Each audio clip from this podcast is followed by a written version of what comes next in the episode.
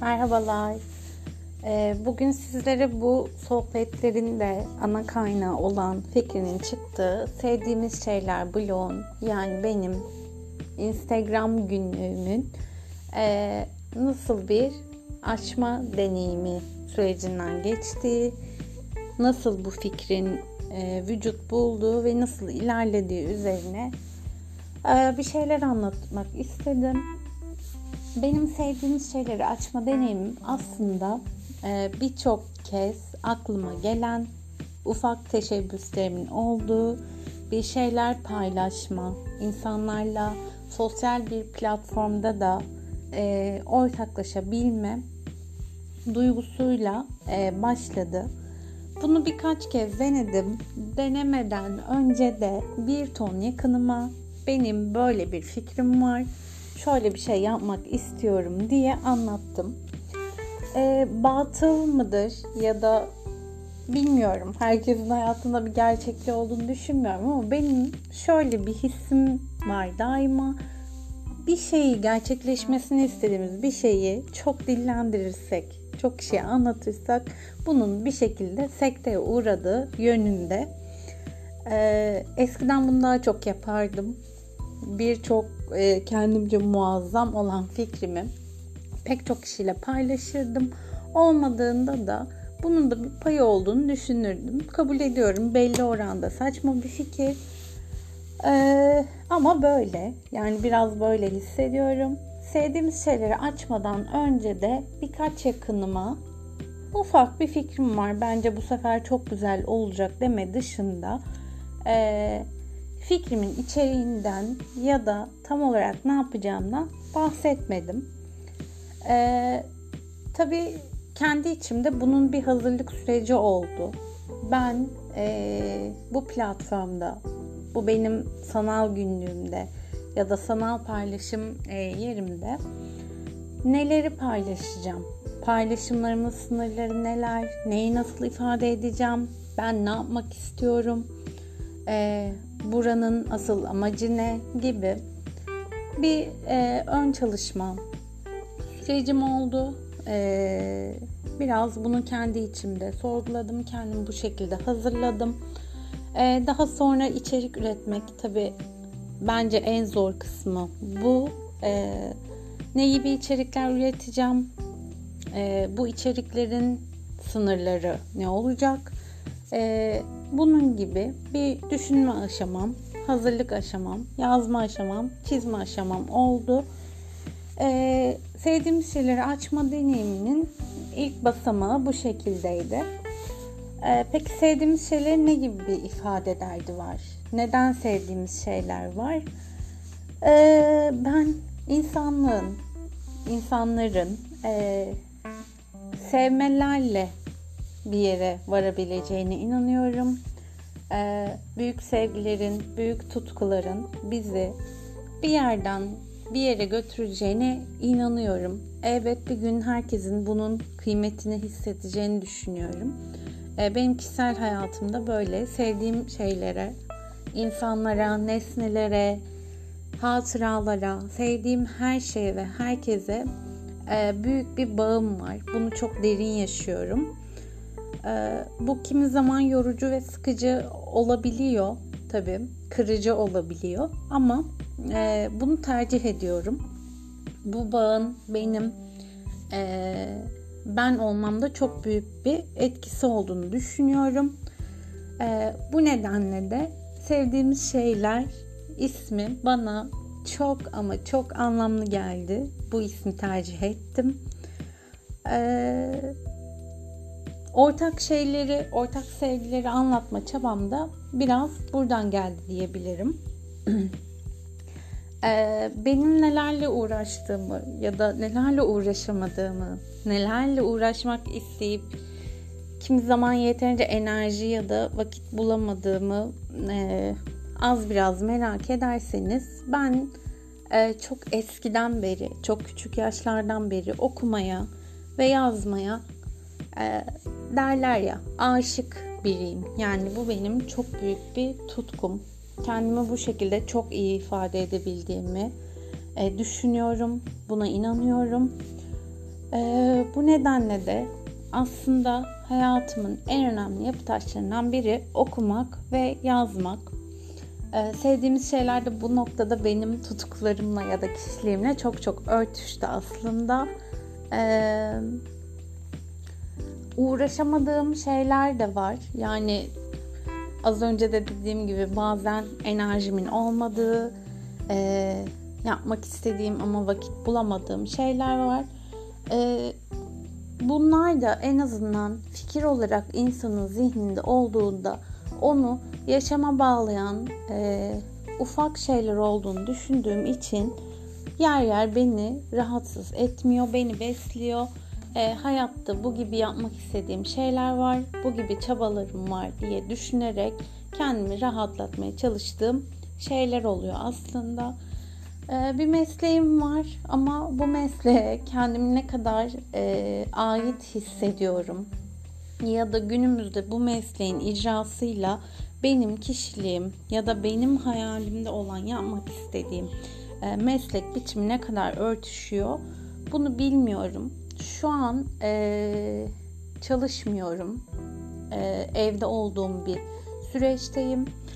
E, bu süreç zor ve yorucu bir süreç. E, belli planları olan, belli çabaları olan insanlar için dört duvar arasında olmanın çok zor olduğunu e, ne yazık ki bu dönemde kötü bir şekilde deneyimlemiş oldum. E, aslında kişisel gelişim ama bu çok artık her yerde e, sakız gibi söylenen şekilde aa kendisi kişisel gelişim, aa şöyle motivasyon gibi değil de e, ne bileyim okumak, yazmak olabilir, resim yapmak olabilir, film izlemek, bir şeylerle ilgilenmek. Yani daha elle tutulur bir kişisel gelişim kalıbım var. Kafamda böyle bir düşünce var. Ee, nasıl söyleyeyim? Buna e, evde olan insanın evet belli oranda daha fazla vakit ayırabildiğini de görmüş oldum. Bunu artık biliyorum ama yine de e, dışarıda akan bir hayat var. Yani gürül gürül akan bir hayat var. E, hayat dışarıda bir nehir gibi akarken sizin dört duvar arasında e, belli oranda kısıtlı olmanız zor, biraz zor. E, böyle bir dönemle uğraşıyorum, böyle bir dönem geçiriyorum. E, artılarını ya da eksilerini daha sonraki kayıtlarımda, daha sonraki sohbetlerimizde belki daha fazla e, anlatabilirim. Bu şekilde düşünüyorum. Ee, yalnızlık demişken biraz dört duvar arasında tek kalmışlık demişken e, aslında bu sohbetin de yine bir çıkış noktası olan konuşmanın hayatımdaki önemi aslında hepimizin hayatındaki önemi insan insana muhtaç insan insanla var. Ee, konuşmada bu noktada paylaşma dediğimiz eylemin bence ilk duraklarından biri. Ee, ama ben son zamanlarda gerek arkadaş çevremde, gerek e, muhatap olduğum ya da olmak zorunda olduğum başka insanlarda, e, hayatımdaki insanda şunu fark ediyorum. Ben benim için de bu geçerli. Ne kadar az karşılıklı artık konuşabiliyoruz. Yani hepimizin sadece ve sadece ne yazık ki kendini anlatma çabası var. Ben şöyleyim, ben böyleyim, ben böyle hissediyorum, ben bunu yaşadım diye diye artık konuşmak, e, sohbet dediğimiz karşılıklı konuşma, diyalog dediğimiz karşılıklı icra edilme şeklinden artık sadece kendimizi anlatmaya e, döndüğümüz bir eylem oldu bana kalırsa. Bu da aslında çok fazla yalnızlığı getiriyor. Ee, ama yer yer belki benim gibi fark edenleriniz de vardır ama çok fark edemediğimizi, çok günlük yaşamın işleyişi içinde e, buna çok da önem veremediğimizi hissediyorum. Ee, bu hayatımda konuşmanın önemi de e, aslında bu sohbetlerin yine dediğim gibi kemik noktalarından, çıkış noktalarından biri oldu. Ee, aslında burada da karşılıklı bir konuşma maalesef olmuyor. Ben biraz anlatıyorum, biraz değil hatta ben anlatıyorum. Ee, ama belki sevdiğimiz insanlarla artık sadece ben ben diye yaptığımız konuşmalardan daha az beni e, kıran bir deneyim olacak diye düşünüyorum. E, bu anlamda da belki birinin yalnızlığına, e, birinin dertler içinde oluşuna ufak bir çare olabilir. Belki birine denk gelir ve bu sohbet, e, bu anlatma çabası onu belli oranda mutlu edebilir diye düşünerek kendimi avutmaya çalışıyorum şu anda. Ee, üretim çabası diğer bir değinmek istediğim konu. Ee, şimdi sevdiğimiz şeylerin de baktığımızda e, bir üretim çabası olduğunu ya da bu sohbetinde bir üretim çabası olduğunu düşünüyorum. Ee, bu üretim çabası tabii çok güzel. İnsanın bir e, amacı bu da. Yani üretmek. Üretmek demek benim için aslında var olmak demenin başka bir yolu. Yazmak gibi, okumak gibi. E, bu üretim çabası tabii insanı bir noktada yer yer tüketebiliyor. Nasıl tüketebiliyor? Üretim çabası belli noktalarda tıkanabiliyor. Örnek veriyorum sevdiğimiz şeylere bir içerik hazırlayacağım ve o gün gerçekten kendimi tükenmiş hissediyorum. İyi uyanmamışım, güne iyi başlamamışım ya da olumsuz bir e, durum yaşıyorum hayatımda diyelim. E, ama içimde de bir üretim çabası var. Yani bir şey paylaşmak istiyorum ama işte bu noktada bu üretim çabası bazen beni yorabiliyor. Yani insanı yer yer bu üretim çabası gerçekten tüketebiliyor ee, diyebilirim. Bazen üretme isteğinin olduğu ama bu ilham dediğimiz ya da siz ne şekilde ifade ediyorsanız e, o noktaya gelemediğimiz yerde de yine üretim çabası bence insanı biraz tüketiyor. Ama umuyorum ki e, kendimizi ifade etme e, isteğimiz bu üretim çabasıyla her zaman ya da büyük çoğunlukta örtüşebilir. Bence bu insanı çok çok rahatlatan e, bir nokta. E, yani böyle üretme çabaları, işte herkesin bir Instagram'a yönelme ben de dahil. Yani bu kişisel de bir eleştiri aslında. E, bence ne kadar ilginç günler içerisinde olduğumuzda biraz bununla ilgili. Yani bu çabaların biraz sebebi de bugünler aslında.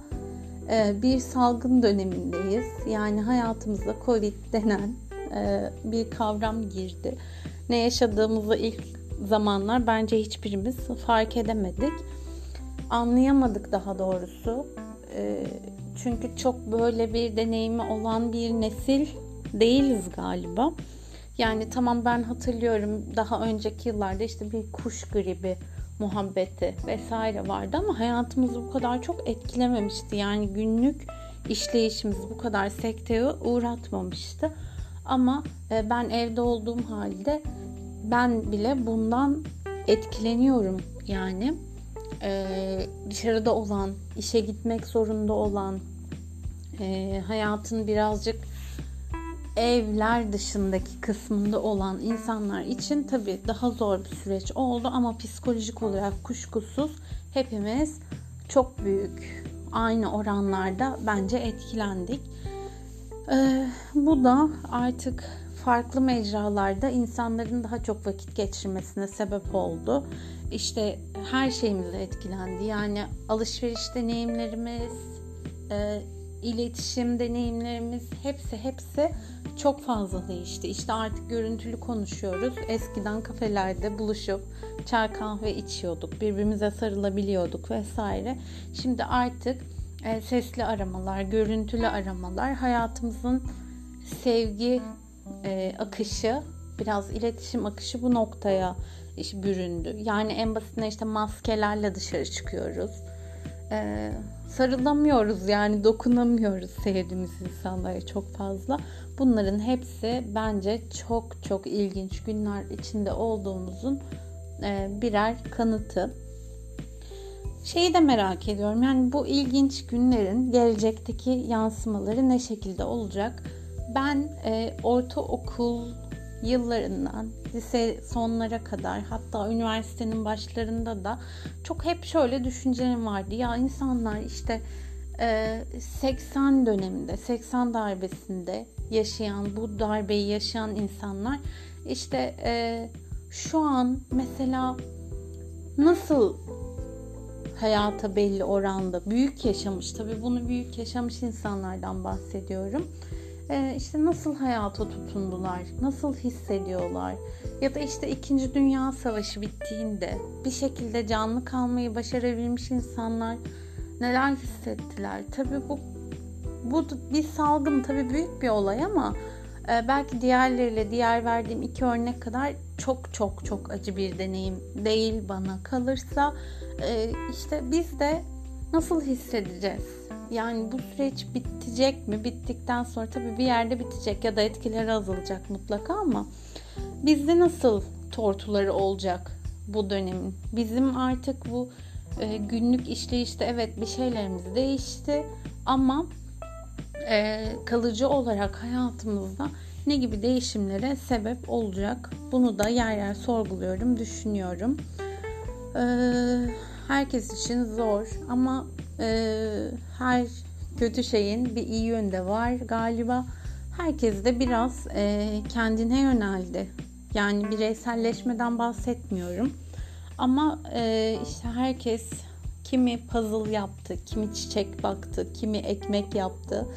Bir şekilde e, benim e, aslında artık bu çok iyi deneyimlediğim bir konu ama ev içinde olmanın e, insanı nelere sürükleyebileceğini de tüm insanlık olarak biraz görmüş olduk. E, acı bir deneyim ama e, galiba yaşanması gerekiyormuş. E, çok kötü tabii ki. Ama bir şekilde bu noktaya geldik. Umarım çok acı, çok kalıcı tortuları gelecekte bizimle birlikte olmaz. Umarım e, bu dönemleri sık sık hatırlamayız diye düşünüyorum. E, bu şekilde yani ilk sohbetimiz biraz kısa olsun istiyorum. Çok sizi sıkmak istemiyorum. E, bu sohbetlerin devamını getireceğim. Yani bunu burada da söylemek istiyorum. Çünkü buna inanmak da istiyorum. Ee, nasıl sevdiğimiz şeyler benim için çok güzel bir noktaya geldiyse e, bu sohbetlerin de böyle bir noktaya gelmesini istiyorum. E, merak eden olursa aranızdan bir şekilde buna denk gelip bunu dinleyip ya neymiş bu sevdiğimiz şeylerlerse e, Instagram'da e, buluşuruz diye umuyorum. Sevdiğimiz şeyler blog benim için çok önemli. E, ne bileyim herkes için böyle bir mecrada e, ilerleme kaydetmek isteyen herkes için tabii ki de sayfası çok güzel ve özeldir biliyorum. E, ama benim için de böyle. E, beni çok güzel bir noktaya getirdiğine inanıyorum. Yani bunu takipçi sayısıyla e, ya da etkileşimle ölçmüyorum. Benim için bir hayata tutunma çabası oldu. Daha doğrusu çabalarından biri oldu. Bunu besleyen çok fazla unsur var. Sevdiğim insan, ailem, dostlarım e, gibi. Çok polyanlacı bir insan değilimdir. Hatta kötümser olduğum bile düşünülebilir beni tanısanız. E, ama işte uyanmak bile büyük bir nimet tabii ki. Ama e, böyle sizi hayata bağlayan ufak ufak şeylerin olması da bence çok güzel. Sevdiğim şeyler dediğim gibi bu noktada benim için bir e, yaşama sebebi haline döndü. E, böyle de çok sanki şey oldu, arabesk oldu ama seviyorum. Yani bu Ee, bir şekilde entelektüel birikim dediğimiz yani bildiğimiz genel kültür e, içine alabileceğimiz kavramları e, bir şekilde bir yerde aktarabilmek özellikle en sevdiğim eylemlerden biri olan yazmakla yapabilmek beni çok mutlu etti. Bundan bahsederken tahmin ediyorum ki e, ses tonum bile daha da cıvıl cıvıl hale geliyor. Bunu hissediyorum. E, böyle yani günü gelecek size burada çok kötümser şeyler de anlatabileceğim. E, şu an sadece ağaçların olduğu bir manzaraya bakıyorum. Yani hayatımda e, Covid'den bağımsız olarak da çok fazla e, yüz yüze iletişime geçebileceğim birileri yok. Burası çok küçük bir yer. E, küçük bir yerde yaşıyorum. 8-9 senedir İstanbul'da yaşıyordum ama artık çok küçük bir yerdeyim. E, buraya dönmek, doğduğun yere dönmek yine arabesk söylem oldu. Ama doğduğun yere dönmek de benim için çok anlamlı bir eylemdi. E, bu geçen süreçte beni bu deneyim biraz üstse de inanıyorum ki bu da bir yerde kendi anlamını bulacak her şeyde olduğu gibi. Ee, böyle yani mutlu olacağım bu sohbetlerde bunu gerçekleştirebildiğimde e, bu manzara şu an gözüme daha güzel gözüküyor. Sevdiğimiz şeyleri açtığımda kaydı bitirdikten sonra evet ya bir şeyler oldu ve ben bunu anlatabiliyorum.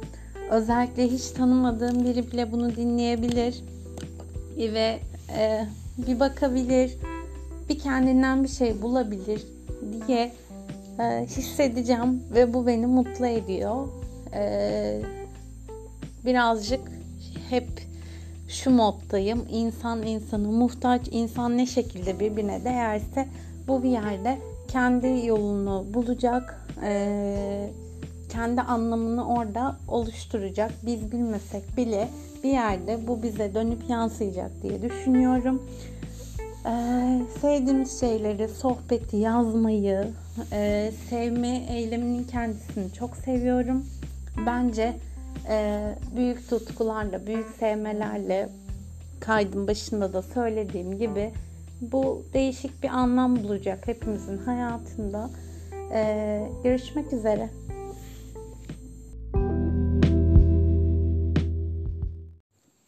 Merhabalar. Sevdiğimiz Şeyler blog ikinci bölümüyle çok hoşnut bir şekilde sizlerle. Umarım herkes iyidir. Bunu dinleyen herkes kendi sınırları, kendi normali, kendi dengesi içerisinde mutludur. Ee, bu ikinci kayıt için birkaç ana başlık belirlemiştim daha öncesinde ama bugün tamamen günün akışını kendi içimde değiştirdim ee, ve farklı bir şeyler anlatmak istedim size. İlk yazdığım başlıklardan tabii ki haberiniz olmayacak ama bu bahsettiklerimle umarım birlikte e, bir şeylere bir çıkış yolu ya da her ne için gerekliyse bu sözler, yeryüzündeki bütün sözler e, yerini bulur. E, ilk bahsetmek istediğim kavram komşunun bahçesi. Yani iki tane söz var dilimizde. Bu söz bana biraz bu konuyu düşündürdü. İşte şey diyoruz mesela komşunun tavuğu komşuya kaz görünür. Komşunun bahçesinin çimeni hep daha yeşildir gibi. Ee, başkalarını çok önemsiyoruz. Yani bunu hepimiz istisnasız zaman zaman yapmışızdır, yapıyoruzdur. Belki bazılarının bu tamamen hayat pratiği şekline gelmiştir. Bazılarımız evet ben umursamıyorum vesaire dese de e, hayatımızın seyri zaten başka hayatlarla bağlantılı olduğu için bir yerde bu gibi noktalar karşımıza çıkıyor. E, yani bunu bu komşunun bahçesi dediğimiz tabiri kıskançlıkla örtüştürmüyorum. Ama psikolojimizin üzerinde garip bir etkisi olduğunu düşünüyorum. Yani evet gün içerisinde, hayatın seyrinde birçok insanla muhatap oluyoruz. Olmak durumunda kalıyoruz vesaire ama bazen bizim hayatımız dışındaki her şey çok parlak, çok güzel görünürken İşte bizim duygularımız, bizim başımıza gelenler, bizim o süreçte yaşadığımız şeyler hep çok karanlık, çok kötü gelebiliyor. İşte bu düşünceyle aslında birazcık bu komşunun e, bahçesi tabiri üzerine kafa yormak istedim. Yani e, bir şiirde geçiyor hatta. Düşünelim başka günlerin duvarı daha sağlam. Düşünelim başka günlerin sokağı daha neşeli. Başka evlerin kadınları erkekleri tam bir kahraman. Tül perdeler uçuşurken başka evlerin pencerelerinde bizi bir kitabın sayfaları arasında kurutuyor zaman. Yani Barış Bıçakçı'dan yaptığım bu alıntı da galiba benim için böyle bir bütünlük oluşturdu. Bu komşunun bahçesi tabiriyle başka hayatlar bizim dışımızda var olanlarla ilgili. Burada da galiba biraz kişinin onay kavramı devreye giriyor. Yani senin onayın aslında senin hayatın üzerindeki senin onayın. Senin için her şey yolunda mı? Ee, senin için bir şeyler olması gerektiği gibi mi? Senin iç dengen yerinde mi? Yani senin onayının ölçütü ne? Aslında bunun üzerine düşündüğümüzde de bu komşunun bahçesi, sürekli gözümüzü diktiğimiz, o hep bizimkinden daha yeşil olan e, bahçe kavramının içinden de aslında biraz olsun çıkabiliriz bence. Başkalarının onayından önce kendi onayımızdan geçmeli kendi hayatımız.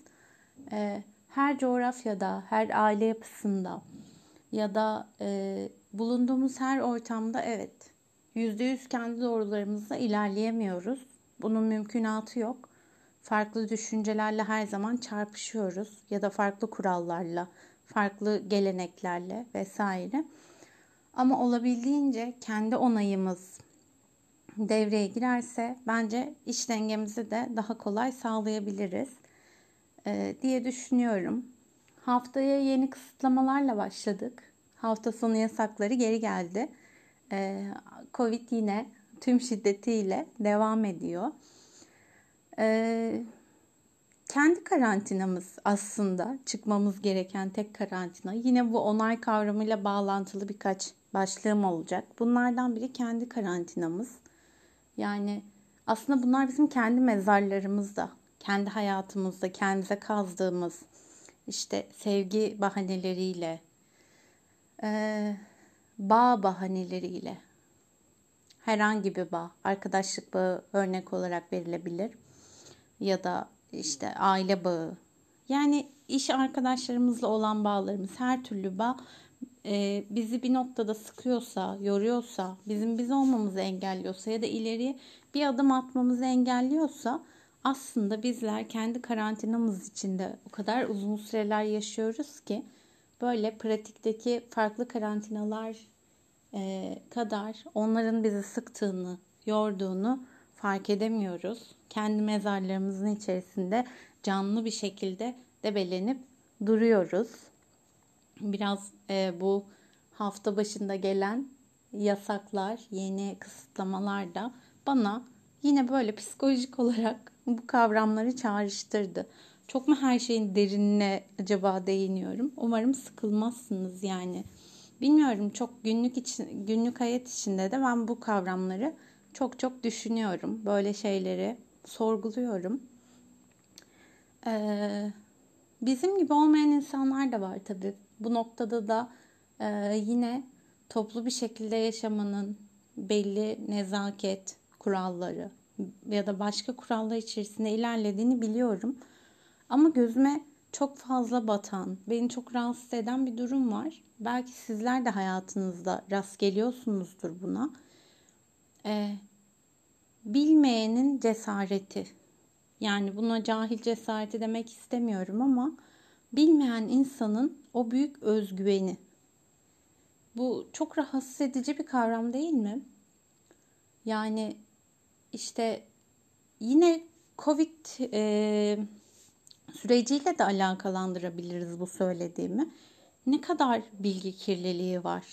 Yani şu dönemlerde ne kadar aslında sağlıklı bilgilere ulaşırsak bu süreçleri o kadar kolay atlatacağız aslında ama çok fark edemiyoruz. Yani biz de duyduğumuz bir şeyi anlatıyoruz. Ya böyleymiş işte şu kadar kişi ölmüş, şurada şöyle bir olay olmuş gibi biz de aktarım yapabiliyoruz ama şimdi bazen toplumsal hayatta bu e, bilmeyenin cesareti o kadar baskın bir duruma geliyor ki çok sıkıcılaşıyor hayat ve çok zorlaşıyor.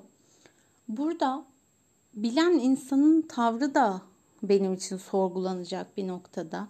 Yani tamam bilmenin verdiği bir ağırlıkla, bir suskunlukla ya da bir şey söylesen bile, bir şey izah etsen bile bir çaresi olmayacağını düşünerek susabilir bilen insan. Ama bu kadar artık e, bir şeylere maruz kalmaya değer mi diye de e, tüm bu yaşanılanları bence bilen insan da sorgulamalı. Bu kadar baskın olamamalı bilmeyen ya da kötülük ya da herhangi bir olumsuz kavram bence bu kadar baskın olamamalı. Bunun karşısında bir şekilde hep birlikte e, farkında olanlar olarak durabilmeliyiz bence. E, bu da böyle bugün bir anda düşündüğüm bir kavram oldu.